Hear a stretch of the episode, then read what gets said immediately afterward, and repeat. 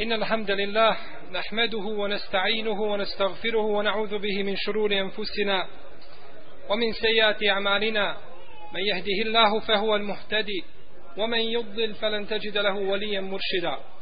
وأشهد أن لا إله إلا الله وحده لا شريك له وأشهد أن محمدا عبده ونبيه ورسوله وصفيه من خلقه وخليله أدى الأمانة وبلغ رسالة ونصح الأمة وكشف الله تعالى به الغمة وجاهد في الله حق جهاده حتى يتاه اليقين.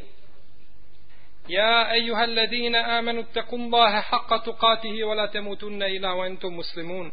يا أيها الناس اتقوا ربكم الذي خلقكم من نفس واحدة وخلق منها زوجها وبث منهما رجالا كثيرا ونساء. واتقوا الله الذي تساءلون به والأرحام. إن الله كان عليكم رقيبا. يا أيها الذين آمنوا اتقوا الله وقولوا قولا سديدا. يصلح لكم أعمالكم ويغفر لكم ذنوبكم. ومن يطع الله ورسوله فقد فاز فوزا عظيما. أما بعد فإن أحسن الكلام كلام الله. وخير الهدي هدي محمد صلى الله عليه وسلم. وشر الأمور محدثاتها وكل محدثة بدعة وكل بدعة ضلالة وكل ضلالة في النار Draga moja braćo, u istinu je naš plemeniti gospodar obdario čovjeka brojnim blagodatima koje u istinu ne bi mogao pobrojati koliko god da se trudio. Nema dvojbe za muslimana koji je spoznao Allahovu tebarake wa ta'ala vjeru i spoznao brline ove uzvišene vjere da je to najveći nijemet i najveća blagodat koju mu je Allah Žešanu podario na zemlji. Nijemet vjere i nijemet dina. Ta blagodat je, braćo, veća kod Allaha Đelešanu i kod nas samih nego blagodat postojanja. Nego blagodat postojanja. Jer čovjek koji postoji na ovoj zemlji i koji živi na ovoj zemlji, ako ne živi sa vjerom, ako ne živi sa vjerom, njegov završetak će biti u džehennemu. U vječnim kaznama, u bolnoj patnji. Pa je onda nepostojanje bolje, bolje od života bez vjere. Tako je da je vjera najveća blagodat kojom nas je uzvišeni Allah te barake wa ta'ala obskrbio. Posljednja vjera koja je dokinula sve prethodne šerijate i ne prima uzvišeni Allah te barake wa ta'ala druge mimo nje. Kaže naš poslanik sallallahu alaihi wa sallam u hadisu koga je zabilježio imam Tirmizi Ibn Hibban i Tabarani sa vjerodostojnim lancem prenosilaca po ocjeni imama Tirmizije Tuba limen hudije ila islam Blago se onome ko bude upućen u islam. Velike li sreće onome koga uzvišeni Allah te barake wa ta'ala uputi u islam. Tuba u drugom značenju znači da mu pripada drvo u džennetu koji se zove tuba, pripada mu drvo u džennetu onome koga je Allah uputio u islam. A u predaji koju je zabilježio Ibn Mađe imam Hakim i također Taberani sa lancem prenosilaca da koga imam Hakim i Zehebi kažu da je vjerodostojan, kaže Allahov vjerovjesnik sallallahu alaihi wasallame aflaha men hudije ila islam. Uspio je, uspio je onaj koga Allah Žešanu uputio u islam. I to je pravi, i to je pravi uspjeh nakon upute u islam nema veće blagodati za čovjeka od te da ga uzvišeni Allah te barake wa ta'ala uputi da bude sledbenik sunneta sunneta poslanika sallallahu alaihi wa sallam najveća blagodat zato je imam Ahmed govorio Alhamdulillah ala l'islam wa ala sunna hvala Allahu Đelešanu na islamu i na sunnetu Pa zar nije sunnet dio islama? Zar to nije sastavni dio islama? Htio je ima Mahmed ovim riječima da pokaže da ima mnogo ljudi koji se smatraju muslimanima, ali se ne drže sunneta Allahovog poslanika sallallahu alaihi wasallam. Pa hoće da ukaže na njih. Najveća blagodat nakon islama jeste da čovjek bude sedbenik sunneta poslanika sallallahu alaihi wasallame. Kaže Ebul Alije, jedan poznati tabiin, Kaže uzvišeni Allah te barake o teala je kaže prema meni upotpunio svoje blagodati sa dvije strane. Sa jedne strane što me je učinio muslimanom između svih ostalih nevjernika. Između svih nevjernika Allah Želešanu je učinio mene jednim od muslimana. A sa druge strane učinio me između svih muslimana sledbenikom sunneta poslanika sallallahu alaihi wa sallam. Jer neće uzvišeni Allah te barek je ta'ala primiti od ljudi njihova djela, osim na način kako je to činio Allahov vjerovjesnik sallallahu alaihi wa sallam. I zato kaže Ibn Omer, kako vidiš Ibn Sad u Tabakatul Kubra sa vjerodostojnim lancem prenosilaca, kaže sunnetu u islamu pripada veće mjesto nego što islamu pripada u drugim nevjedičkim ili među drugim nevjedičkim religijama ili drugim nevjerama. Sunnet u islamu ima veće mjesto nego što ima islam među tim drugim nevjerama. Draga moja braćo, kada bismo nastojali da pokupimo i da prikupimo, saberemo sve šarijatsko pravne dokaze iz Kur'ana i sunneta, iz iđmaa islamskih učenjaka, iz a, mišljenja islamskih pravnika o obavezi i vrijednosti slijedjenja sunneta, bojim se da to nikada ne bismo mogli učiniti. To bi bio jako naporan posao. Takav bi posao iziskivao da se napravi čitava jedna biblioteka o dokazima koji ukazuju na obavezu steđenja sunneta. I mi ćemo danas uz Allahu te barake o teala pomoć govoriti o sunnetu poslanika sallallahu alaihi wa sallame. Time su nas zadužili organizatori ovoga našeg Mubarek programa, inša Allahu Teala. Kaže uzvišeni naš gospodar, subhane, وَمَا آتَاكُمُ الرَّسُولُ فَخُذُوهُ وَمَا نَهَاكُمْ عَنْهُ فَانْتَهُوهُ وَاتَّقُوا اللَّهِ إِنَّ اللَّهَ شَدِيدُ الْعِقَابِ A ono što vam da Allahov poslanik, vi to uzmite. A ono što vam zabrani, toga se klonite i toga se prođite. Toga se klonite i toga se prođite ono što vam zabrani poslanik. Ottekun Allah i bojite se Allaha. Inna Allahe šedidul iqab. Allah Đelšanu u istinu žestoko kažnjava. Koga? Onoga ko se ne prihvati za ono što mu je dao poslanik, što mu je naredio, niti ostavi ono što je poslanik sa osam zabranio. Za takvog je uzvišeni Allah te bareke wa ta'ala šedidul iqab, onaj koji žestoko i silno i silno kažnjava.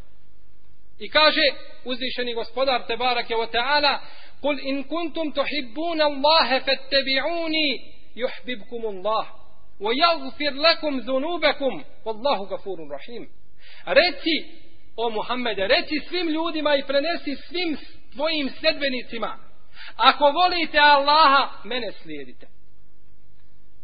Evo vam, draga moja braćo, kuranske vage precizne kuranske vage koja važe ljudska djela.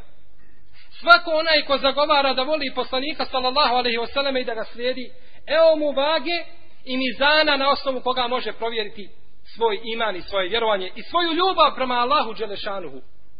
Reci ako Allaha volite, mene slijedite. Juhbibkumullah.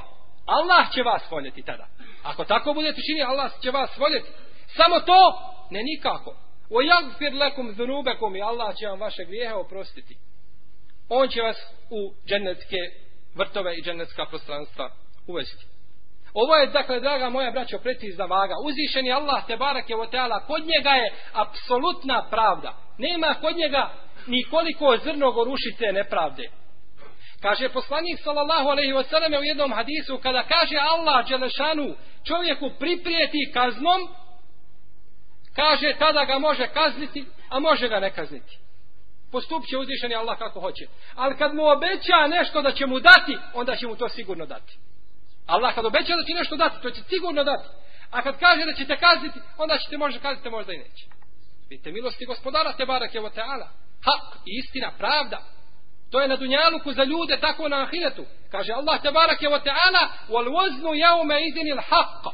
A toga dana istina I vaga biće, vaga biće na istini postavljena. Toga dana, kada se ljudska djela budu vagala, biće vaga na istini i uzvišeni, postavljena, jel, i uzvišeni Allah te barake o teala neće nikome nepravdu učiniti.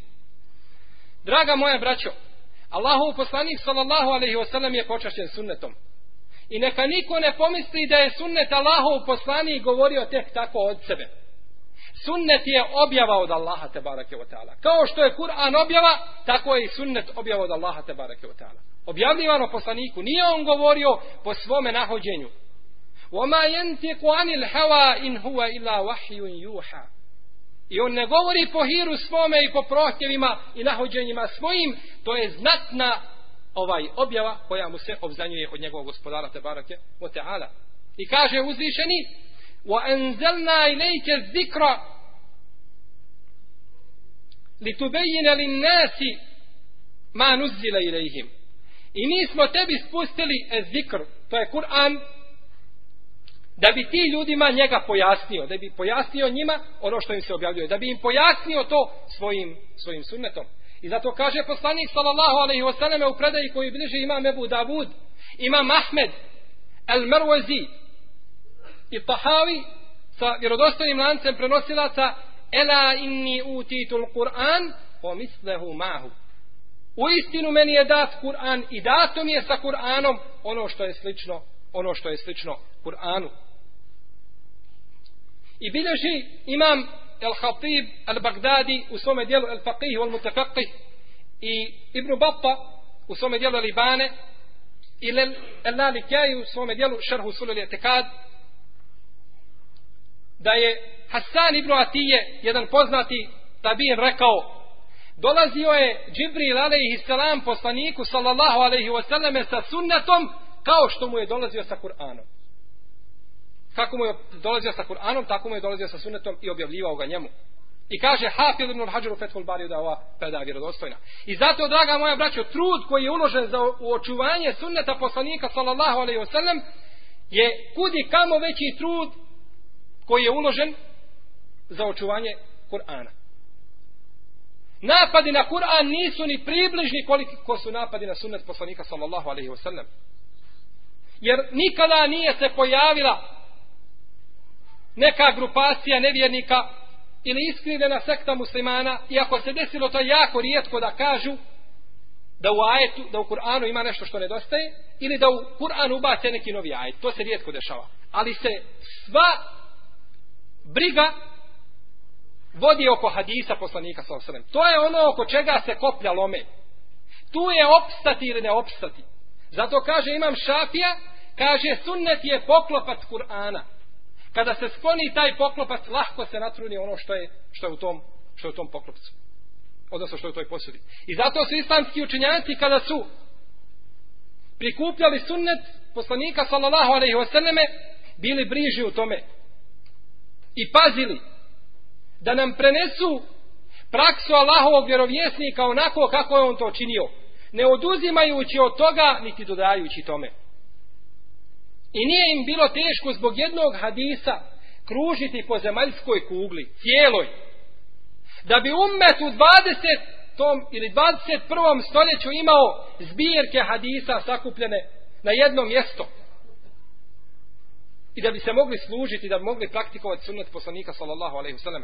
Sve su nam prenijeli i dali nam gotovu hranu. Jedite o muslimani, naslađivajte se blagodatima a muslimanima je teško da jedu. Teško im je da uzmu taj hadis, da ga praktikuju, a nisu se trudili za taj hadis, da ga oni sačuvaju. Pogledajte jednu priču koju je zabilježio Ibn Hibban u svome dijelu El Međruhin i koju je zabilježio El Hatib El Bagdadi u svome dijelu El Kifaje fi ilmi rivaje od Šuabeta Ibn Hadžađa, jednog velikog islamskog učenjaka i muhaddisa dolazili su njemu islamski pravnici da uzimaju od njega hadis. Pa je jedne prilike ispred njegovih vrata sjela jedna skupina učenjaka i čekali ga da iziđe i da im govori hadisa poslanika sallallahu alaihi wasallam. Između ostalih tu je bio Nasr ibn Hamad Ebul Haris al-Warraq. Jedan od ravija koji ima loše pamćenje. Pa je kazao, sjedeći ispred vrata Šobeta ibn Hadžađa, kaže, pričao mi je Israil,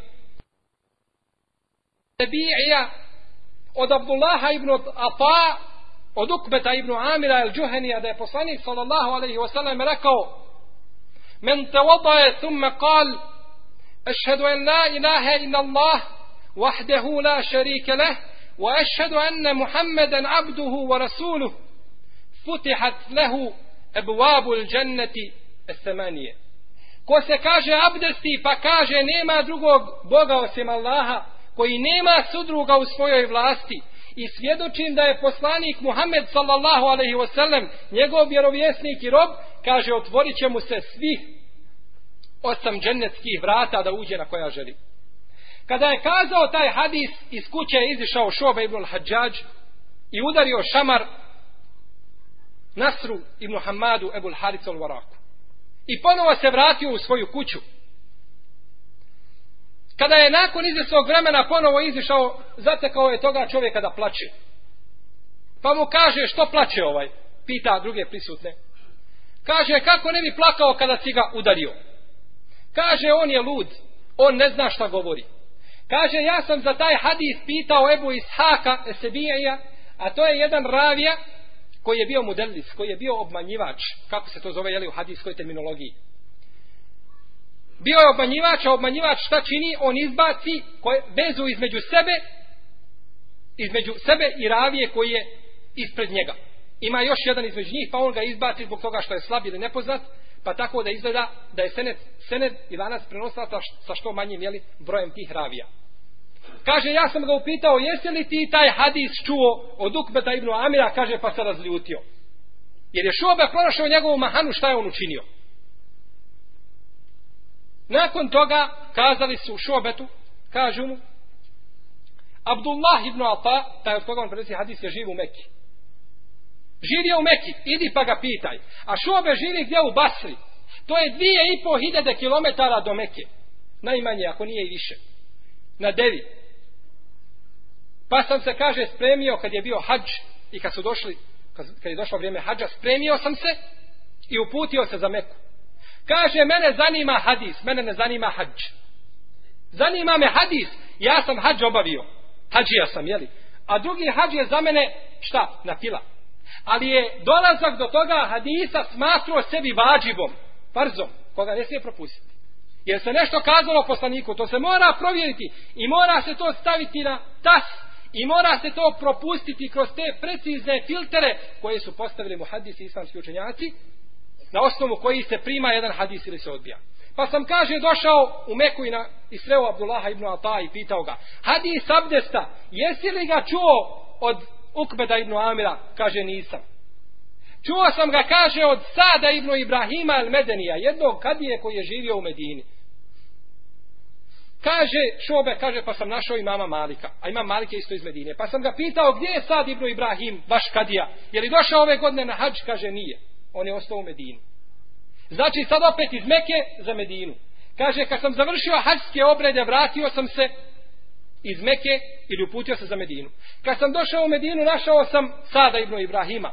I upitao sam ga, hadi iz abdesta, jesi li ga čuo? Od Ukbeta ibn Amira, kaže nisam. Čuo sam ga, od Zijada ibn Mihraka el Basrija. Opet u Basru. On je došao iz Basre za Meku, pa iz Meke za Medinu, pa će opet iz Medine za Basru. Kaže šobe, hadis jedan put iz Meke je došao, jedan put iz Basre, jedan put iz Medine. Kaže, nema ništa tog hadisa. Ne vredi to ničemu. Pa sam se, kaže, vratio u Basru. Pa sam došao kod Zijada ibn Mihraka. Pa sam mu rekao, hadis abdesta, od koga si ga čuo? Kaže, uf, kakav si mi došao? Kaže, idi, kaže, pa se okupaj i dotiraj se bio je čovjek prljav od puta.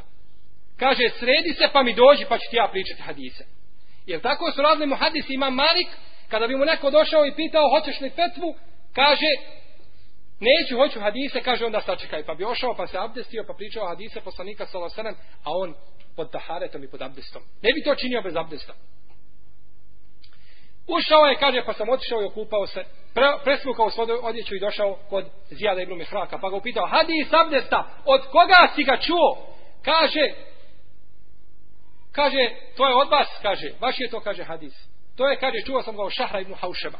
A kaže, Šehr ibn Haušeb ga je čuo od Ebu Rejhane, Abdullaha ibn Matara, El Basrija.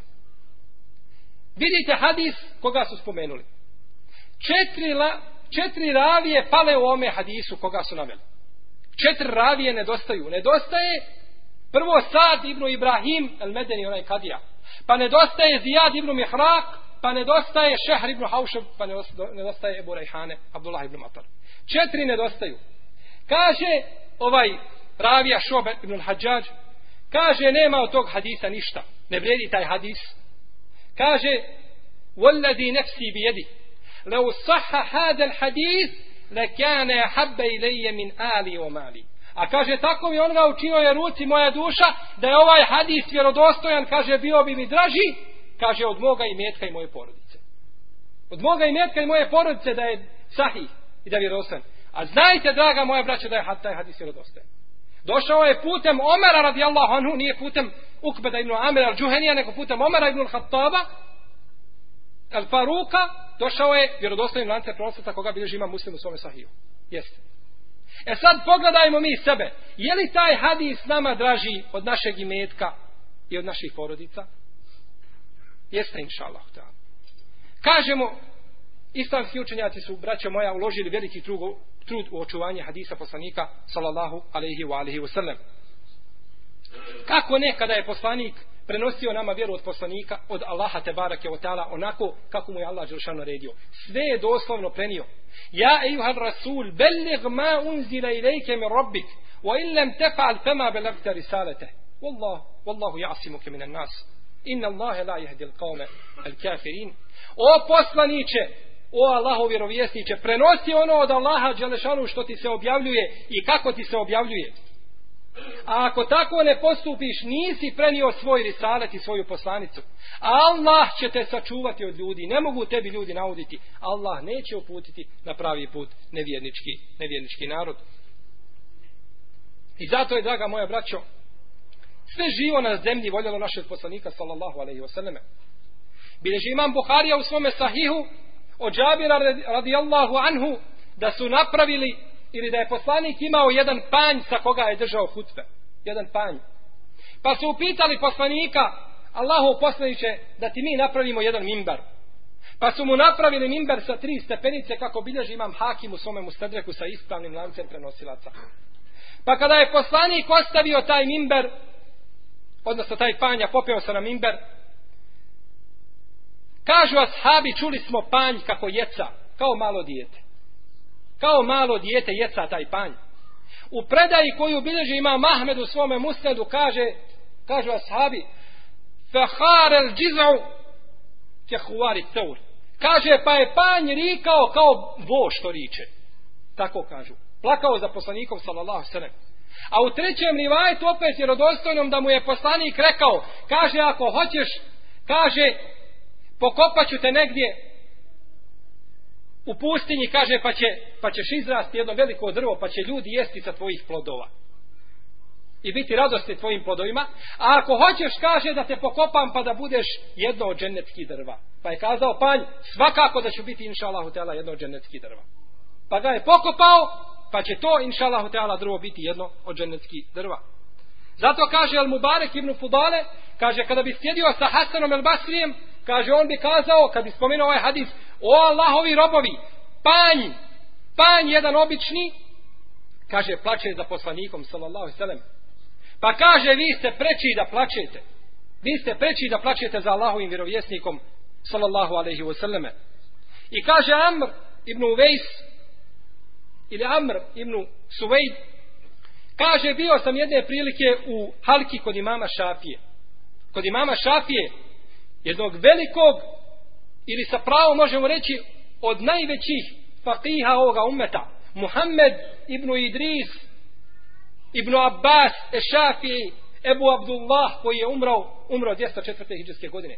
Draga moja braćo pamtite ova imena. Dobro pamtite imena i godine kada su naši islamski učenjaci preselili sa ovoga svijeta muslimani treba da se ponose sa sirom naših učenjaka Ne trebaju muslimani da pamte imena igrača i svirača i ple, plesača i plivača i tako dalje. Treba da pamte siru ovih ljudi. Nismo zadovoljni i boli nas to kada musliman kaže je li to imam sujutija bio tabin. A da ga upitaš možda za bilo kog igrača gdje igra i pošto igra i kada će završiti njegov ugovor i tako dalje. Sve zna. Ovo je sira naše uleme koju mi moramo učiti i koju moramo pamtiti. Imena naših učenjaka. Kaže, sjedio sam, kaže ovaj Amr ibn Suvejd, sjedio sam, kaže, u halki sa imamom Šafijom, pa je rekao imam Šafija, kaže, nikad ni jedan poslanik nije dobio ono što dobio naš poslanik od muđiza. Kaže, pa sam mu rekao, a kaže to što je Isa alaih salam oživljao mrtve, šta ćeš sada? Kako sada dokazati? Jer mrtav se ne može, to je najveća muđiza da se mrtav oživi. A pogledajte kako islamski učenjaci odgovaraju svjetlom koji, koga je njima Allah Đelšanu dao. Svjetlom. Pa kaže, kaže, tako mi Allah, a kaže, panj koji je plakao za poslanikom sa oselem je, kaže, veća muđiza nego oživljavanje mrtvi. Kako to? Kaže, taj mrtvi čovjek koji je umro, on je u principu u osnovi bio živa osoba koji je pričao. A taj panj koji plače i priča sa poslanikom nikada nije pričao. On u svojoj osnovi ne priča. On je s te strane mrtva priroda. Pa je s te strane muđiza poslanika, sallallahu alaihi wasallam, veća nego muđiza Isa alaihi, Isa alaihi sallam. I sve je znalo vrijednost našeg poslanika Muhammeda sallallahu alaihi wasallam. Kaže Allahov vjerovjesnik alaihi salatu wasallam u predaji koji zabilježio ima Mahmed ma bejne semai wal ard illa le ja'leme enni Rasulullah illa asi al džinni wal ins. Kaže tako mi Allaha sve ono što je između nebesa i zemlje dobro zna da sam ja Allahov poslanik osim nepokornih ljudi i džina.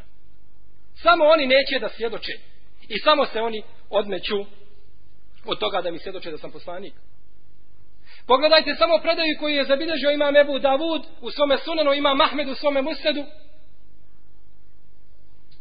Od Abdullaha ibn Džafara kaže ušao je poslanik sallallahu alaihi wasallam jedne prilike u jedan od vrtova jednog od ensarija. Pa je kaže tu vidio kaže jednu devu kaže kada je ugledao tu devu i kada je deva ugledala poslanika sallallahu alaihi wasallam kaže njene su se oči napunile suzama. I počela je plakati. Počela je plakati. Kaže Ibnu Kesir u svome dijelu El Bidajen on nihaje da je ovaj hadis mutevatir. Počela je deva plakati pred poslanikom sallallahu alaihi wasallam pa je poslanik upitao čija je ovo deva? Pa je jedan dječak momak od Ensarija rekao to je moja deva pa je kazao efala tettaqi Allah fi hadihi l-bahime allati mellekeke Allahu ijaha fa innehu ej el džemel šeka ileje enneke tuđi'uhu o tud'ibuhu. Kaže zar se ne bojiš Allaha dželešanuhu zbog ove životinje koju ti Allah dao i tebi je podčinio? Ona mi se žali i kaže da je ti patiš glađu i da je mučiš sa napornim radovima. Deva se obraća poslaniku sallallahu alaihi wasallam. Deva je ta koja zna da je poslanik alaihi salatu wasallam poslan kao milost svjetovima. Wama arsalnake illa rahmeten lil alemin. Postali smo te ni za što drugo, ništa nego samo kao milost svim svjetovima. Ljudskim, džinskim, svemu živom što je na zemlji. Što se miče i što se ne miče bio je poslanik milost. Svemu živom. U predaji koji obilježi Imam El Bezar i Ahmed sa dobrim lancem prenosilaca kaže se da je jedan put skupina Ensarija došla kod poslanika sallallahu alaihi sallam i kazala o Allahov poslaniće imamo devu. Kaže ne dozvoljava da joj se priđe. Aspaha kel kelbil kelib. Kaže postala je ta deva kaže kao pobjesneni pas. Niko joj ne može prići. Pa je poslanik došao kaže pokažite mi gdje je deva pa je došao i prišao toj devi. U stvari kada je prilazio kažu mu Allahov poslaniće mi se bojimo za tebe. Pa je kazao lej se alejje minhu ba'sun. kaže ne bojte se kaže neće ona meni naškoditi. Kada je prišao poslanik sallallahu alaihi wasallam je kao devi na seždu mu je pala. Deva na seždu pala poslaniku sallallahu alaihi wasallam. Pa je poslanik stavio na nju tu radnu opremu i kazao je nikad više nećete sa njom imati problema. Pa je ušla u rad i ponovo radila i napajala ljetinju. Kažu ashabi Allahov poslaniće, devati na seždu pada, pa mi smo preći da ti seždu činimo. Kaže, ne, nikako. Da sam naredio nekome da učini seždu nekome, onda bi, kaže, naredio ženi da učini seždu svome mužu. ženi da učini svome mužu zbog haka i prava koje ima muž koje ima muž kod svoje, kod svoje žene i bileži ima Mahmed u svome musnedu sa lancem prenosilaca za koga kaže Ibnu Ketir da je dobar a kaže ima Melbu Siri da je vjerodostojan. Kaže da je jednog dana poslanik alaihi salatu veselam sjedio pod jednim drvetom. Pa je došao jedan mušrik i pitao ga Muhammede ko to tebi svjedoči još da si ti poslanik? Da vidim. Kaže poslanik sallallahu sallam sve mi živo svjedoči da sam ja poslanik. Kaže pa daj mi nekoga ko će ti posvjedočiti pa je poslanik u daljini je bilo jedno drvo daleko pa je poslanik pozvao to drvo. Pa se zemlja rasporila i to je drvo prišlo do poslanika sallallahu alaihi selleme. i reklo svjedočimo Allahov poslaniče poklonilo se poslaniku i kaže svjedočim da si ti Allahov poslanik i ponovo se vratilo na svoje mjesto. Pa je taj mušlik u istom mahu primio, primio islam. I bileži imam Tirmizi ibn Ebi Šejbe da jedne prilike poslanik sallallahu alejhi ve selleme izišao u Šam. Pa kada, ga je, kada je došao do jednog do jednog svećenika rekao je kaže ovaj čovjek nije kaže prošao ni pored jednog drveta niti kamena a kaže da mu nije učinio sečtu poslaniku sallallahu alaihi wasallam. Seždu pozdrava poslaniku sallallahu alejhi ve selleme. jeste draga bra, moja braćo ovo je sira i ovo je taj poslanik koga se danas nažalost i na veliku žalost stidi jedan dio muslimana. Stide se poslanika sallallahu alaihi wasallam i treba da se stide. U pravu su, treba da se stide. Ali treba da se stide zbog svoga stida. Zbog svoga stida treba i zbog toga da se stide.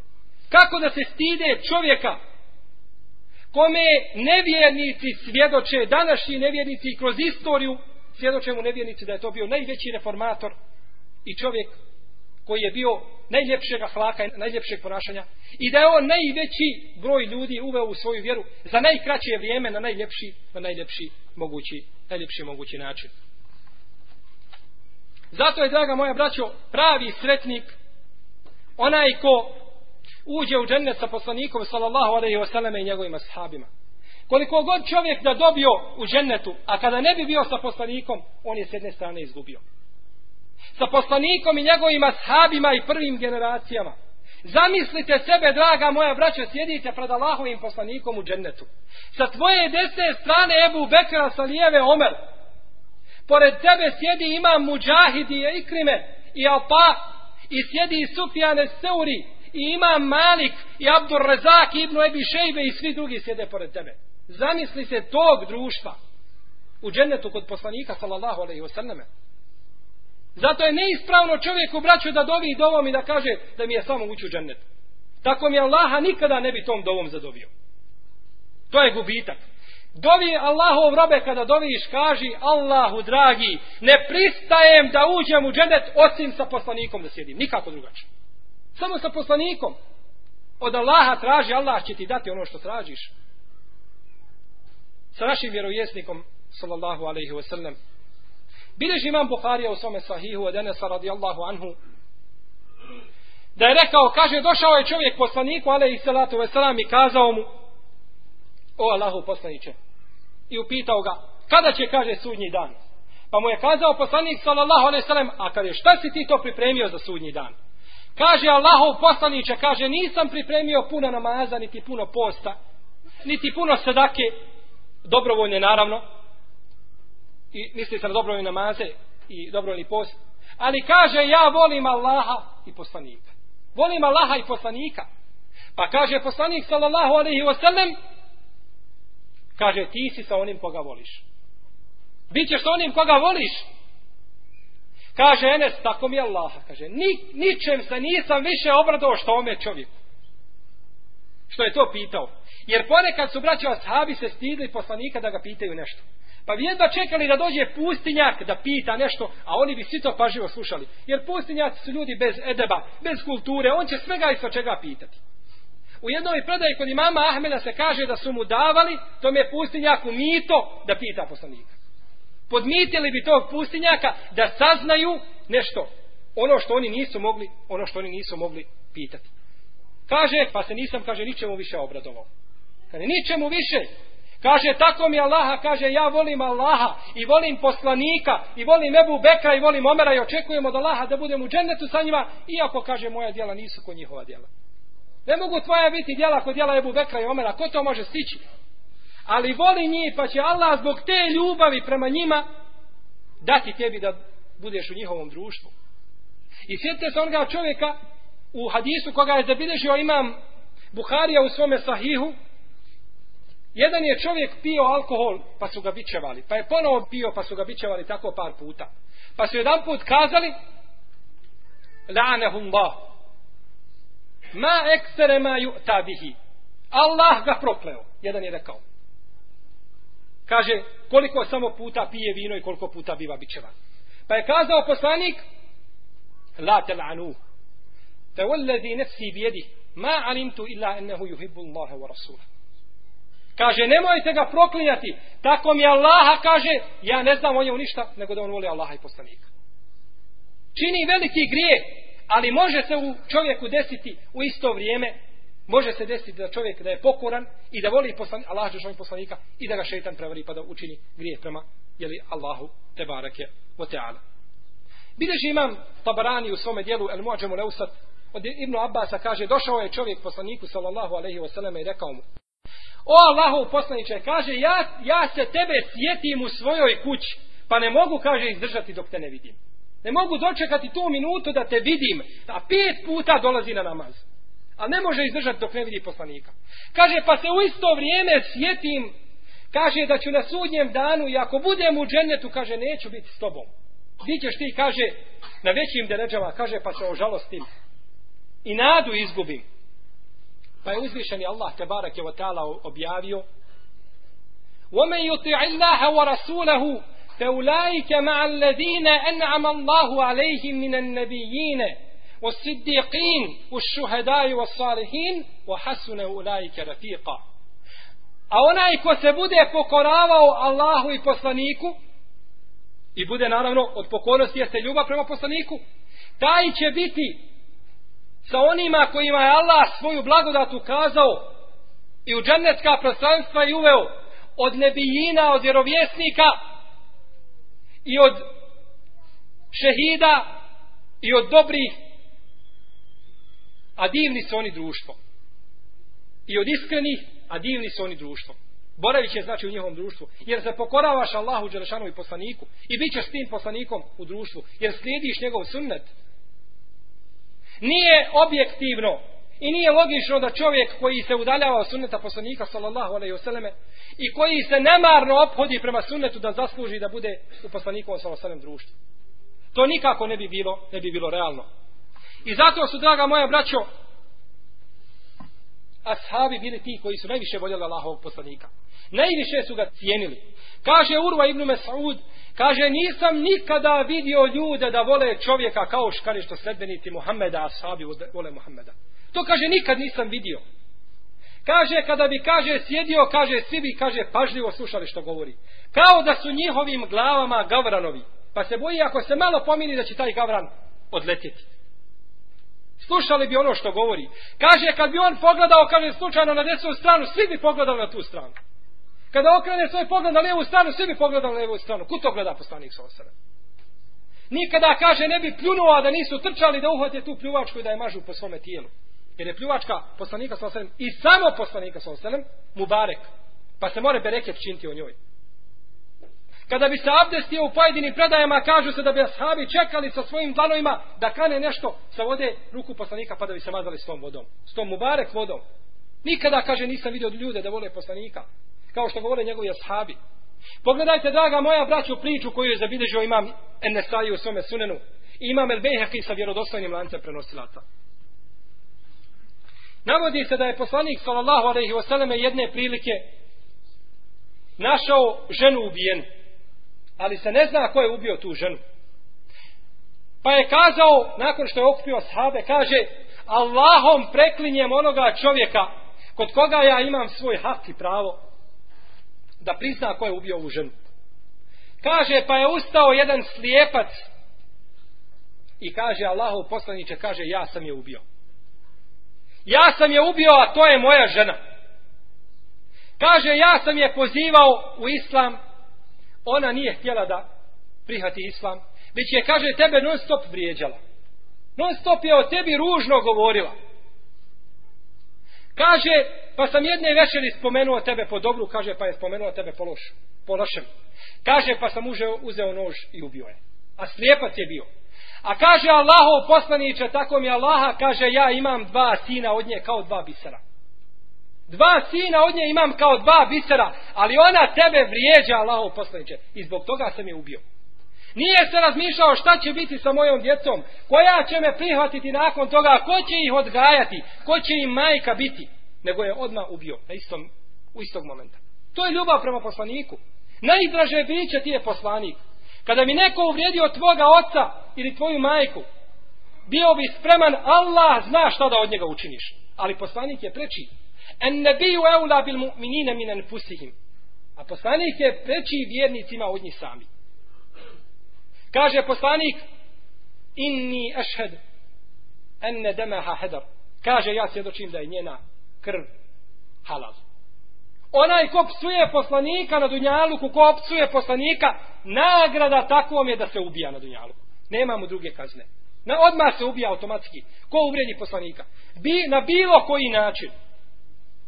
Na bilo koji način. Pa čak bilo to i izokola.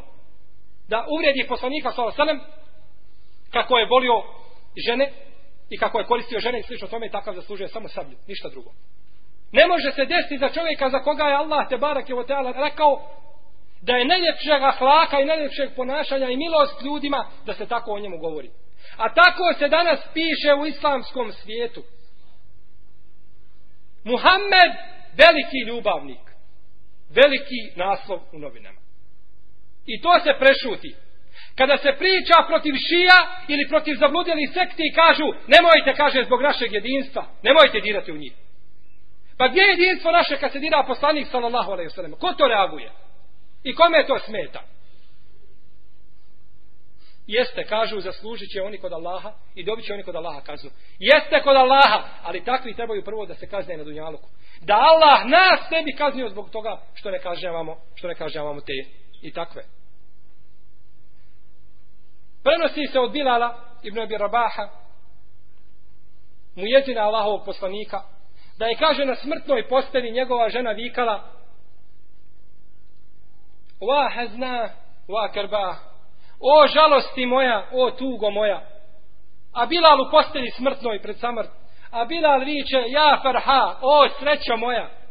O srećo moja, gaden nelka lehibbe, muhabbe, muhammeden o sahbe kaže, sutra ćemo, kaže, sresti naše najdraže poslanika, sallallahu alejhi ve selleme i njegove, i njegove ashabe. Vidimo, draga moja braćo, kako su oni voljeli poslanika i kako su očekivali susret sa poslanikom. Prenosi se od imama Malika da je svake večeri vidio poslanika sallallahu alaihi u svome snu. Svake večeri. I dan i noć je bio vezan za sunnet poslanika.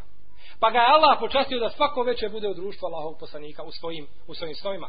A ko, vidi, ko vidi poslanika sallallahu sallam u svojim stojima na način kako je on opisan, onda je to poslanik sallallahu sallam i ne može šeitan jeli, tu prići nema udjela, nema udjela u tim stojima. I kaže također Enes ibn Malik, tako mi Allaha kaže nema ni jedne večeri. Prvo je bio Malik ibn Enes, jeli, imam u Medini, pa poznati, koji je umro 179. iđeske godine, a ovdje govori Enes ibn Malik, njegov sluga. Kaže, tako mi Allaha, kaže, nema ni jedne večere da ne vidim poslanika sa osam snu. Svake večeri. Deset godina je služio poslanika. Deset godina. Zamislite, draga moja braćo, da kršćani ili židovi imaju i da znaju ime čovjeka koji je služio Musa ili Isa mjesec dana ili godinu. Digli bi ga na najveće stepere, Allah zna, koje bi mu deređe dali. A mi imamo ashaba koji je deset godina služio poslanika. Šta kaže za sebe? Kaže, tako mi Allaha, nikad mi poslanik nije rekao zašto si uradio ili zašto nisi uradio. Nikada, nikad u deset godina. Slugi.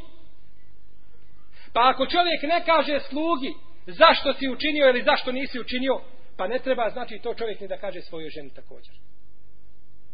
Isto tako, jer je sluga preči da se ukori i sluga je preči da ovaj kaznu trpi od žene. Pa znači ne bi onda čovjek trebao da kori znači za takve stvari za svoju ženu. Kaže, deset godina sam služio poslanika, nikada mi nije rekao zbog čega si učinio, a zbog čega nisi učinio. Kaže, šehol Islam Ibn Tejmije, kaže, kada bi išao na hađ, poslanik sa kada bi jahao na devi, kaže da bi Enes bio ispod deve, tako da bi se pljuvačka deve slijevala niz Enesova radijallahu ta'ala anhu leđa. U non stop je bio uz Allahovog poslanika sallallahu alaihi wa alaihi wa sallam. I oni su, draga moja braćo, bili, znači ljudi i generacija, koji su najveću pažnju i najveću ljubav iskazivali prema poslaniku, sallallahu alaihi wasallam. Branili njegov sunnet. Kaže, imam Malik, kako navodi imam Šatibi u svome dijelu on muafakat, poslušajte, draga moja braće, dobro upredaju.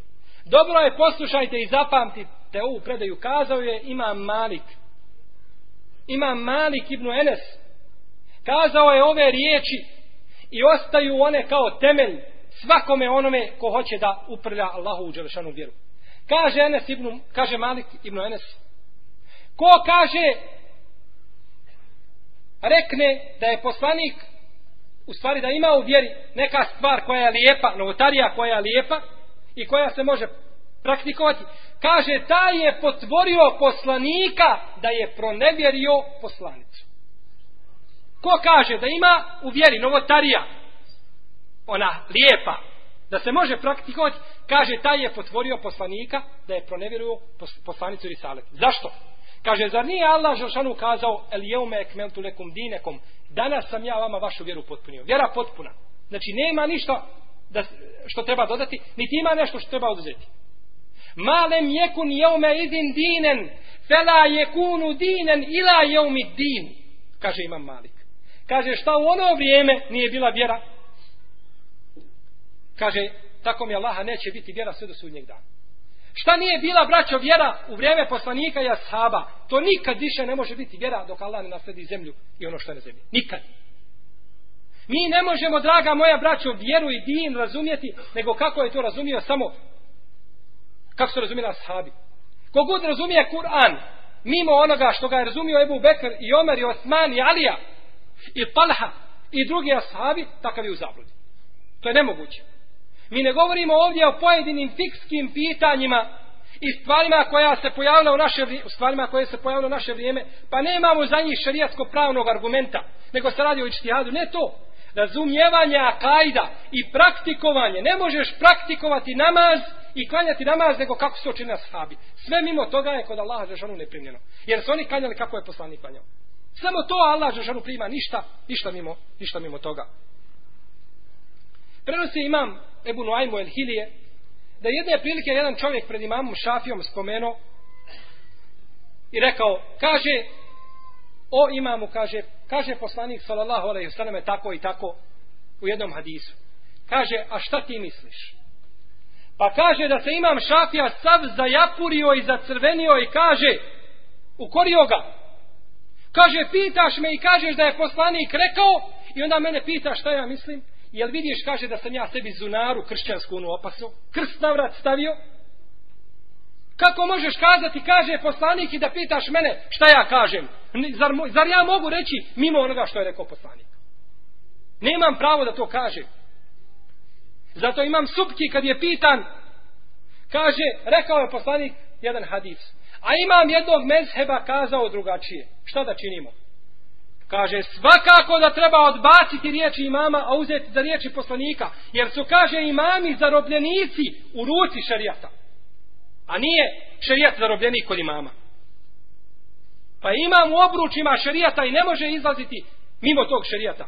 I šarijat vlada imamom i pakihom i mučtehidom, a ne vladaju oni, ne vladaju oni sa šarijatom. Jeste, draga moja braćo. Branili sunnet poslanika sa osam i čuvali ga. Bili najžešći u praktikovanju sunneta, u velikom i malom.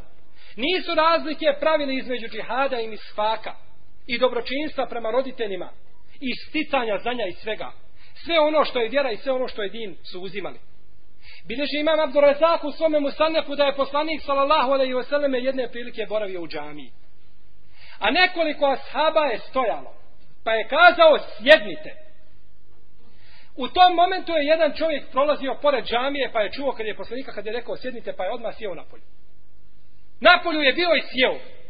Kada je poslanik nakon izvršenog vremena izišao sa sahabima, pa vidio čovjek da sjedi, kaže, što ti Allaho robe, što sjediš? Kaže Allaho poslaniče, ti si neko sjedni. Ja sam čuo tvoje reč, sjedni. Ja ne znam ništa više nakon toga. Ja sam čuo tebe da mi ti naređuješ da ja učinim nešto.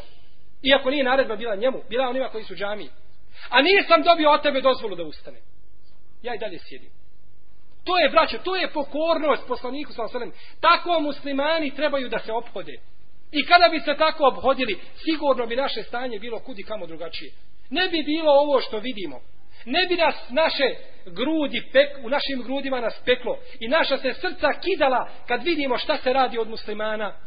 A kako muslimani ne, pom ne mogu pomoći sami sebi, a kako da pomognu, a kako da pomognu drugima. Znali su, draga moja braćo, za nas ove generacije da je uspjeh u sunetu poslanika sallallahu alaihi wasallam. Kako ne bi kada je poslanik naš sallallahu alaihi wasallam rekao u predaj koji bliži imam el bejhek u šobu limanu, imam mamar ibn Rašid u svome dijelu el džamija, da je poslanik sallallahu alaihi wasallam rekao, kaže, ma terektu šejen yukarribukum min al dženneti o yubaidukum anin nar illa kad bejentuhu lekum. Nisam vam, kaže, ostavio ni jednu jedinu stvar koja vas približava džennetu, a udaljava vas od vatre da vam je nisam objasnio. Sve. Sve što trebate, sve imate. Ovo su riječi poslanika. Pa kakva novotarija, kakva lijepa novotarija može biti u vjeri? Ko je taj nesretnik ko kaže da ima lijepa novotarija u vjeri? Poslanik sve, i veliko i malo, što te približava Allahove milosti i što te udaljava od vatre. Jer braćo, vjera, din, to su dvije stvari. Naredbe i zabrane. I imate treću stvar, sredina, onaj mubah koji je čovjeku dozvoljen da čini. Pokori se i ostani. To je vjera. Nema ništa drugo. Kada Allah šanu kaže, kako kaže Ibn Mesaud, kada Allah šanu kaže, ja i uhelledine amenu, ovi, ovi, ovi koji vjerujete, kaže, dobro, kaže, pripremite svoje uši i slušajte. To je, kaže, ili naredba koja vam se naređuje, pa je činite, ili zabrava koja vam se zabranjuje, pa je pa je ostavite. Jedno od to dvoje. Ne može nikako, ne može biti, ne može biti treće. Poučio nas poslanik sa svemu živo. Nemamo potrebe da idemo mimo, mimo suneta poslanika sa osvijem.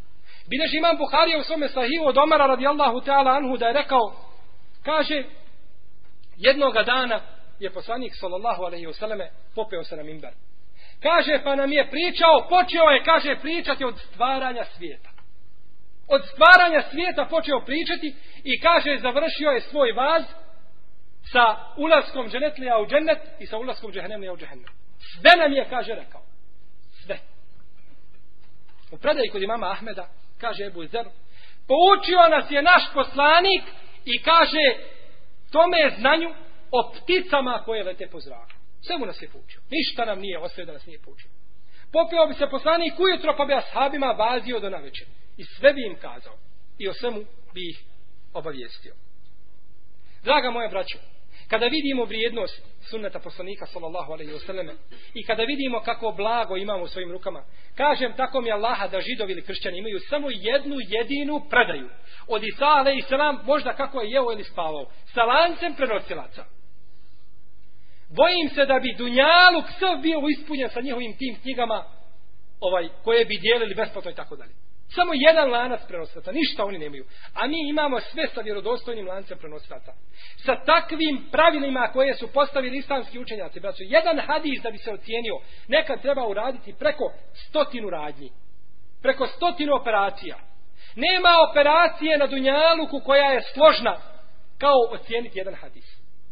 Nema operacije. Transplantacija bilo kog dijela tijela, ugrađivanje, umjetne oči, šta god hoćete, ništa nije kao ocijeniti jedan hadis poslanika sosa. Jer tu nema fiksnog pravila da imate šablon po kome idete. Svaki hadis ima svoje pravilo. Najpreciznija nauka za učuvanje čega? Sunneta poslanika sallallahu alaihi wasallam. Zato je na nama obaveza da pazimo na ovaj sunet i da ga prenosimo drugima i da druge poučavamo. Kaže poslanik sallallahu alaihi selleme: u predaji koju je zabilježio imam Tirmizi, imam Ahmed, imam Al-Hatib u svome dijelu šerefu ashabi al-hadis, i drugi sa dobrim lancem prenosilaca nadbar Allahu imran sami'a minni maqalatan faballaghaha kama sami'aha farubba muballighin aw'a alehu min sami' Allah se smilovo osobi Allah se smilovo osobi koja čuje od mene hadis pa prenese taj hadis onako kao što je čula ga. Na isti način. Možda je, kaže, onaj koji sluša, možda će ga bolje razumjeti nego onaj koji prenosi. I zato mnogo ima ravija hadisa koji su prenijeli. Prenosi i pamti možda sto hiljada hadisa, da ga upitaš o fikhu jednog hadisa ne zna. On nije razumio, ali zna prenijeti. Ali je prenio onako kao što je poslanik naredio. Kako si ga čuo, tako ga prenesi. I zato kažu mu hadisi da hadis treba prenositi kao Kur'an. Kako ga čuješ, kako ga je poslanik rekao, ništa ti ne, mijenja, ne mijenjaj. Nemoj ti ići haditi pa kazati, vjerovatno je ovako poslanik htio reći, pa da dodaješ nešto od sebe. Prenesi ga onako kao što si ga, kao što si ga čuo. I tako su radili ashabi poslanika sa Bili brižni da slušaju poslanika. Bili brižni da slušaju i da to prenose. Pogledajte, draga moja braća, u predaju koju bliži imam Buharija u svome sahihu. U poglavlju, jako je bitno gdje je imam Buharija stavio ovo, ovo predanje. U poglavlje Elijati samu bil kitabi o sunne. U poglavlju držanja za Kur'an i za sunnet. Od Ebu Hureyre kaže, Slušajte, draga moja braća, u predaju. Koja je bliža nekakvoj bajci. Tako nam Allaha da nije u Buhari nikada je ne povjerovali. Ali je u Buharinom sahihu i odmah se tu završavaju sve priče. Kaže Ebu Hureyre, kaže, tako mi Allaha bio sam u džami i poslanika sallallahu alaihi wasallam sjedio.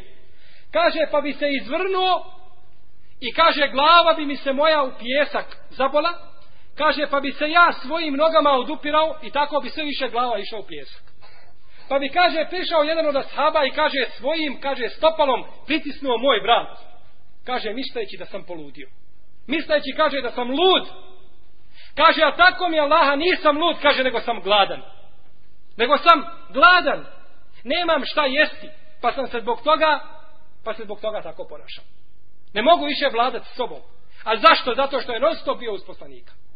Zato Omer radi anhu Anu govorio zabavila je, kaže Omera, trgovina i udaranje dlana po dlan, jeli kada se pogađa na trgovini, na pijaci, dok je, kaže Ebu Hureyre, slušao hadise poslanika, sallallahu alaihi sallam, i prenosio ih.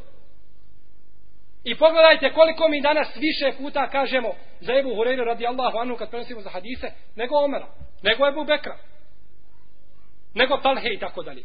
A koji je najviše hadisa prenio od poslanika, sallallahu alaihi wa alihi wa sallam. Mi vidimo, draga moja braćo, da u današnjem vremenu, da je hadis poslanika sallallahu alaihi wasallam i njegov sunet ostavio zabilježen, ostao zabilježen samo u knjigama. Da se toga jako malo praktikuje. Braćo, predstoje još teža vremena nego ova vremena. Doći će braćo vremena kada ljudi neće poznavati sunnet. Danas ga poznaju, ali ga ne praktikuju. I to je zlo. Ali manje je zlo. Jer čovjek kada ga poznaje, možda će ga početi praktikovati. Ali zlo je i svako zlo kad ga ne bude poznavao. Bileži Ibn Abdul Bar, jedan veliki islam, islamski učenjak i malikijski pravnik, kaže u svome dijelu El Džamije, Džamiju Bejanil ilmi wa fadlihi, od Darađa Ibn Samana je Sehmija da je rekao, kaže, doći će ljudima, sa svakako ispravnim lancem prenosilaca, kaže, doći će ljudima vrijeme, kaže, kada će jedan od njih ugojiti svoju devu. Ugojit će svoju jahalicu, dobro je ugojiti. Kaže pa će kružiti po zemaljskim prostranstvima da nađe jednog čovjeka da ga upita da li je nešto što čini sunnet ili nije. Pa ga kaže neće moći naći. Činiš jednu stvar. Danas uvijek se može čovjek gdje god da živi na dunjaluku može se snaći. Ali doće vrijeme da će kružiti po zemaljskoj kugli. Ali neće moći naći čovjeka da mu kaže jeste to je sunet ili nije sunet, već će kaže govoriti pa ja mislim, pa ja mislim. Mislim da jeste, mislim da nije. Mogao bi biti, ne bi i tako dalje. Niko nema dokaza, argumenta da kaže to je sunet ili nije sunet. Dokaz mi je jedan, dva. Nema toga. I vidiš imam tirmizi i drugi od Ibnu Mesauda da je rekao, kaže poslanik s.a.v. kaže doće ljudima vrijeme, kaže kada će se dvojica razići u farzu, u jednom farzu, u jednom propisu koji je vađib, U postu, zekijatu, hađu i tako dalje. Pa će se razići, pa jedan viče da je vađib, drugi viče da nije vađib. osnovne stvari se neće znati. Ostaće kod ljudi samo la ilaha illallah, kako bilježi imam Ibn Mađe od Huzeyfa radijallahu anhu. Ostaće ljudi na la, ništa neće znati. Toliko će se kaže islam habati, da neće ništa znati od islama. Nestaće islam. Pa će Allah Đelšanu uzeti u lemu. Neće biti u leme. Neće biti znanja. Pa će Allah Đelšanu na kraju uzeti Kur'an. Kada ljudi jednog jutra osvanu, Nema Kur'ana u prstima, nema uleme koja je naučio Kur'an. A kada otvore svoje mushafe, to sve bijele stranice. Nema ništa na njima. Bijele stranice. Nema više Kur'ana. A nema ga u prsima. Po čemu ćeš raditi? I to su najgora stvorenja na kojima će uzvišeni Allah te barak da dati da nastupi sudnji dan. Kaže poslanik sa osrem u ovoj predaji, raziće se, kaže dvojica da li je neka stvar farz ili nije. Pa neće, kaže, moći naći trećeg da presudi da kaže u pravu si i nisu u pravu. Neće poznavati osnovne vjerske propise. Onda vidite, braćo, blagodat u kojoj živimo. Kada čovjek može učiti, može saznavati, može čitati, može slušati. Allah ti je omogućio da u svojoj kući možeš slušati predavanja sa krajnjeg istoka i krajnjeg zapada. Odakle hoćeš, na kom jeziku hoćeš. Sve živo. Sve imamo. Ali Allah zna šta se dešava, šta se dešava sa nama. Gubit će se sunnet, draga moja braćo. Gubit će se sunnet poslanika sa osadem. To je počelo u vrijeme ashaba, nije to nama ništa novo. To je počelo u vrijeme ashaba. Kaže imame Zuhri, ibn Šihabe Zuhri, jedan poznati islamski učenjak i muhadis koji je bio od šehova imama Malika, i za njega se kaže da je on bio jedna medresa. Sam je bio jedna medresa i škola. Kaže, ušao sam, kaže, u jednu od džamija u Šamu. Kaže, pa sam našao Enesa ibn Malika da sjedi i plaće. Enes ibn Malik plaće. Kaže, pa sam ga upitao, o ashabu Allahovog poslanika, zbog čega plaćeš? Kaže, plaćem zbog sunneta. Kaže, plaćem zbog sunneta, izgubio se sunneta Allahovog poslanika. U vrijeme Enesa ibn Malika. On je jedan od posljednjih ashaba sa Amirom ibn Tufejlom, jedan od posljednjih. Kaže, plačem za sunnetom, izgubio se sunnet. Kaže, pa kako se izgubio? Šta se izgubilo sunneta? Kaže, gubi se sunnet. Kaže, mi smo, kaže, u vrijeme poslanika, kada smo bili u namazu, kaže, jedan od nas bi, kaže, pritisnuo svoje rame uz rame svoga brata. I koljeno uz koljeno svoga brata i stopalo uz stopalo svoga brata. Tako bi stojalo u namazu. Ono što danas se muslimanova non potencira. A oni čuju a izgleda da ne čuju. Ne zanima ih to.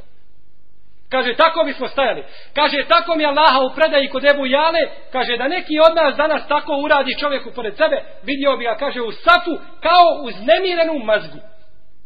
Kako bi ga vidio u safu? Kao uz nemirenu mazgu. Zbog čega ti pritišćeš svoju nogu s moju? To je vrijeme, bilo vrijeme tabina.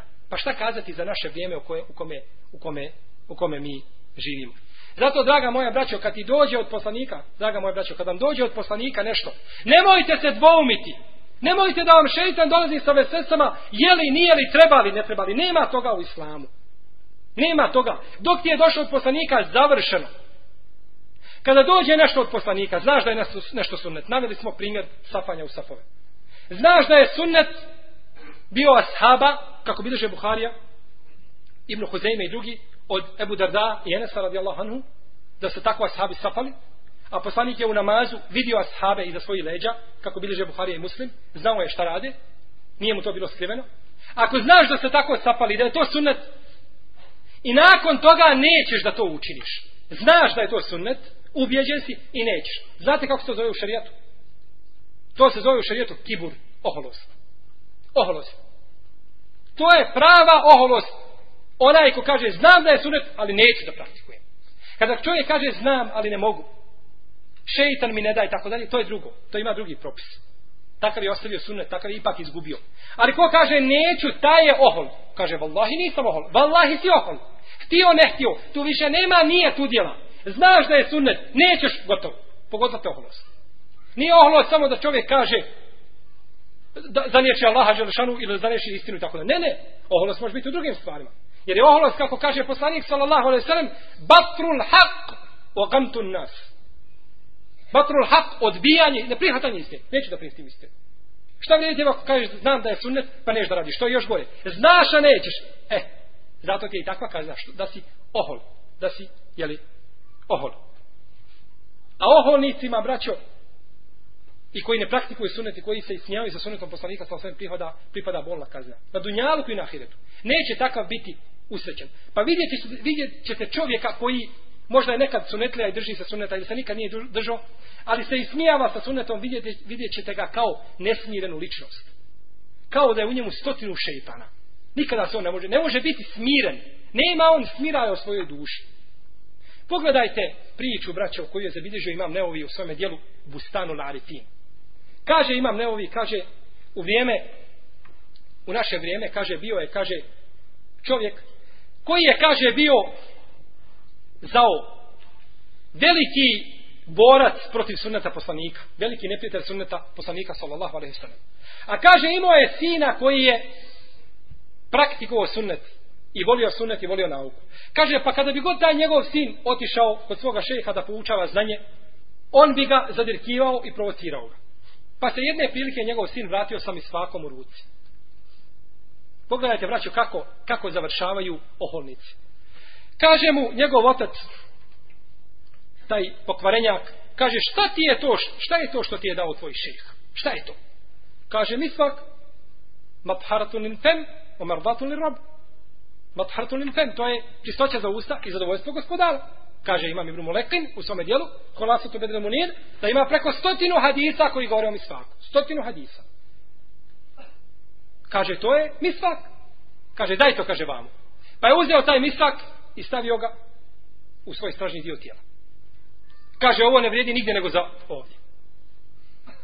Pa je iskušan bolešću. Pa je iskušan bolešću. Počeo je stomak da mu se nadima. Nadima mu se stomak mjesec, dva, tri, dok nije došao do devet mjeseci. Nadima mu se stomak. Kad je bio devet mjeseci, kaže, napinjao se, napinjao se i rodio malu jednu životinju. Kao miš, imala je dugi rep i velike uši rogove. Pa je rodio takvu životinju. Sa istog mjesta gdje je stavio taj misvak. Nagrada shodno učinjenom djelom. Pa je prišla njegova vez, starija kći, pa je bacila jedan veliki kamen na glavu te životinje i ubila je i on je umro. Ne da Allah te barak je otala da se bilo ko oholi nad njegovim sunnetom. Ne da. Ako nećeš praktikovati sunnet, nemoj se ismijavati. Mogu te razumjeti da ne praktikuješ. Ali, brate, ako se ismijavaš sa sunnetom i to uzimaš za šegu i šalu, e onda je to jako opasna stvar. Kaže, imam Estealebi u svome dijelu je šekva od, prenosi od Ataba Ibnu Useida, kaže, sjedio sam jedne prilike u Međlisu kod Ebu Hureyre. U Međlisu, u društvu Ebu Hureyre, pa je pričao hadise. Kaže, pa je spomenuo u tome hadisu, kaže da će stražnica nevjernika biti u džehennemu, tolika da jahač treba jahati tri dana na brzom konju da pređe. U drugoj predaji kod Buhari i kod muslima kaže se da će između ramena, s jedne strane ramena, od druge strane ramena, jahač morati jahati na brzom konju tri dana. Toliko će, kaže, biti tijelo nevjernika u džehennemu da bi mu Allah povećao njegovu kaznu. Da bi što više osjetio kaznu. A u predajima vjerovostojim se navodi da će zub nevjernika biti kao brdo uhud. Možda da kako će to stvorenje neko biti. Samo da bi što više ovaj osjetio kaznu. Kaže, pa sam najveće legao spavati. Kaže, ali kaže, kada sam to slušao, rekao sam, subhanallah, Hoće to uistinu tako biti? Zaj, zar će se zaista tako desiti? Kaže, pa sam legao na večer spavati. Kaže, pa sam sanjao u snu, kaže, meleka, koji udara po mojim leđima, kaže, jakim udarcima i po mojim ustima, i kaže, viče, da se ismijavaš sa sunetom poslanika, sallallahu sallam. Ne vjeruješ, poslanik ti rekao da će tako biti. Naravno, kad se potvrdi ispravnost hadisa. I onda ti nakon toga, nakon toga, jeli, nakon toga sumnjaš. Vidimo, draga moja braćo, da je opasna stvar sumnjati ovaj u hadise poslanika sa osvijem, a naročito i smijavate sa tim hadisima. Nakon ovoga, cijenjena moja braćo, možemo rezimirati da je i konstatovati ono što su konstatovali oni prije nas, da je nama sunet poslanika sa osvijem sam prenešen do nas. Ispravno, sačuvan, do nas došao. Vidimo da danas u našem vremenu ima mnogo daija, ima mnogo uleme, ima onih koji govore i koji pozivaju istinu. No međutim, sa druge strane vidimo da nema promjene. Da su promjene ovaj neznatne u odnosu na trud koji se ulaže. Vjerovatno ćete se zapitati gdje je problem onda. Nešto neštima, nešto ne paše, nešto nije u redu. Ovo što mi činimo dave negdje ima krljavosti mahana, velika mahana pa ne možemo nikako krenuti, ne mogu muslimani da stanu na svoje noge. Ne govorim za muslimane na području Evrope, niti o, e, Balkana, niti, nego općenito za muslimane na svijetu cijelog. Negdje nešto nije na svome mjestu. Negdje ima propust. Ja ću vam kazati ono što smatram da je kod nas manjkavost. Smatram, braćo, da kod nas jedna jedina stvar manjka. Ako uspijemo tu stvar dotjerati na svoje mjesto i dati joj hak i pravo koje zaslužuje, naše će se stanje ubrzo promijenuti za 180 stepeni. Promijenit će se naše stanje i doći ćemo sigurno, doći ćemo sigurno na bolje. Neće znači biti ovaj stanje muslimana onako kako jeste. I zamolio bi svakog brata da razmisli o tome. Jedina naša mahana i naš propust koji činimo, a koji ne bismo htjeli činiti, i koji ako budemo činili, vratit će nam se naš ponos, jeste praktična primjena Islama. To nam pali. Ništa drugo. Praktična primjena Islama, ništa drugo. Čuo si i praktikuj. Jer Islam je, braćo, vjera koja je živa. Živa i hoće, hoće praksu. Hoće da muslimani priđu i da praktikuju Islam. Kada ti kaže poslanik, sallallahu alaihi wasallam, da ti je bolje biti u službi svome bratu, svome bratu, jedan kratak period, nego mjesec dana da boraviš u poslanikovoj džamiju i ti. Hadis poslanika sam se koga bilježi vam tabarani. Bolje je čovjeku da ide u službi svome brat, bratu za jednu sitnicu da oboji za svoga brata da mu pomogne, nego mjesec dana da boravi u tikjafu u poslanikovoj džami U redu. Šta sad treba ovdje? Treba hadis zapamtiti i samo to. Treba ga praktikovati. Trebaš pomoći svom bratu. Kad ti poslanik kaže da je tvoj osmije tvome bratu lice sadaka, trebaš samo to praktikovati. Kad ti poslanik kaže da su najbolji od vas oni koji su najbolji prema svojim ženama, trebaš to praktikovati. Što znači da ne treba žena ovaj da osjeća težinu tvoje ruke i da ne treba žena da nosi umjetne zube i sve tome. Nego treba znači da se ponašaš prema svojoj ženi kako kaže poslanik najbolji od vas su koji su najbolji prema svojim ženama. Hoćeš biti najbolji a upitaj svoju ženu o sebi da Bog sačuva. Ne možeš biti nikako najbolji.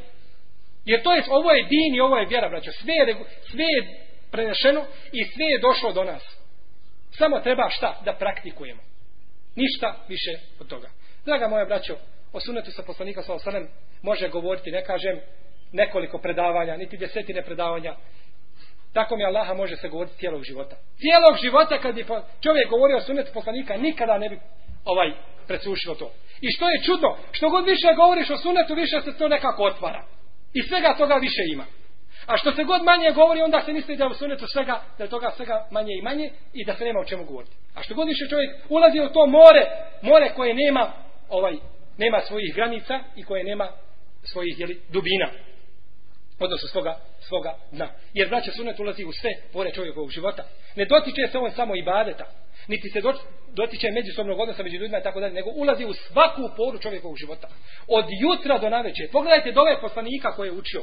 Čemu se svemu živu nas je poslanik poučio kako kaže ovaj Omar radijallahu ta'ala anhu.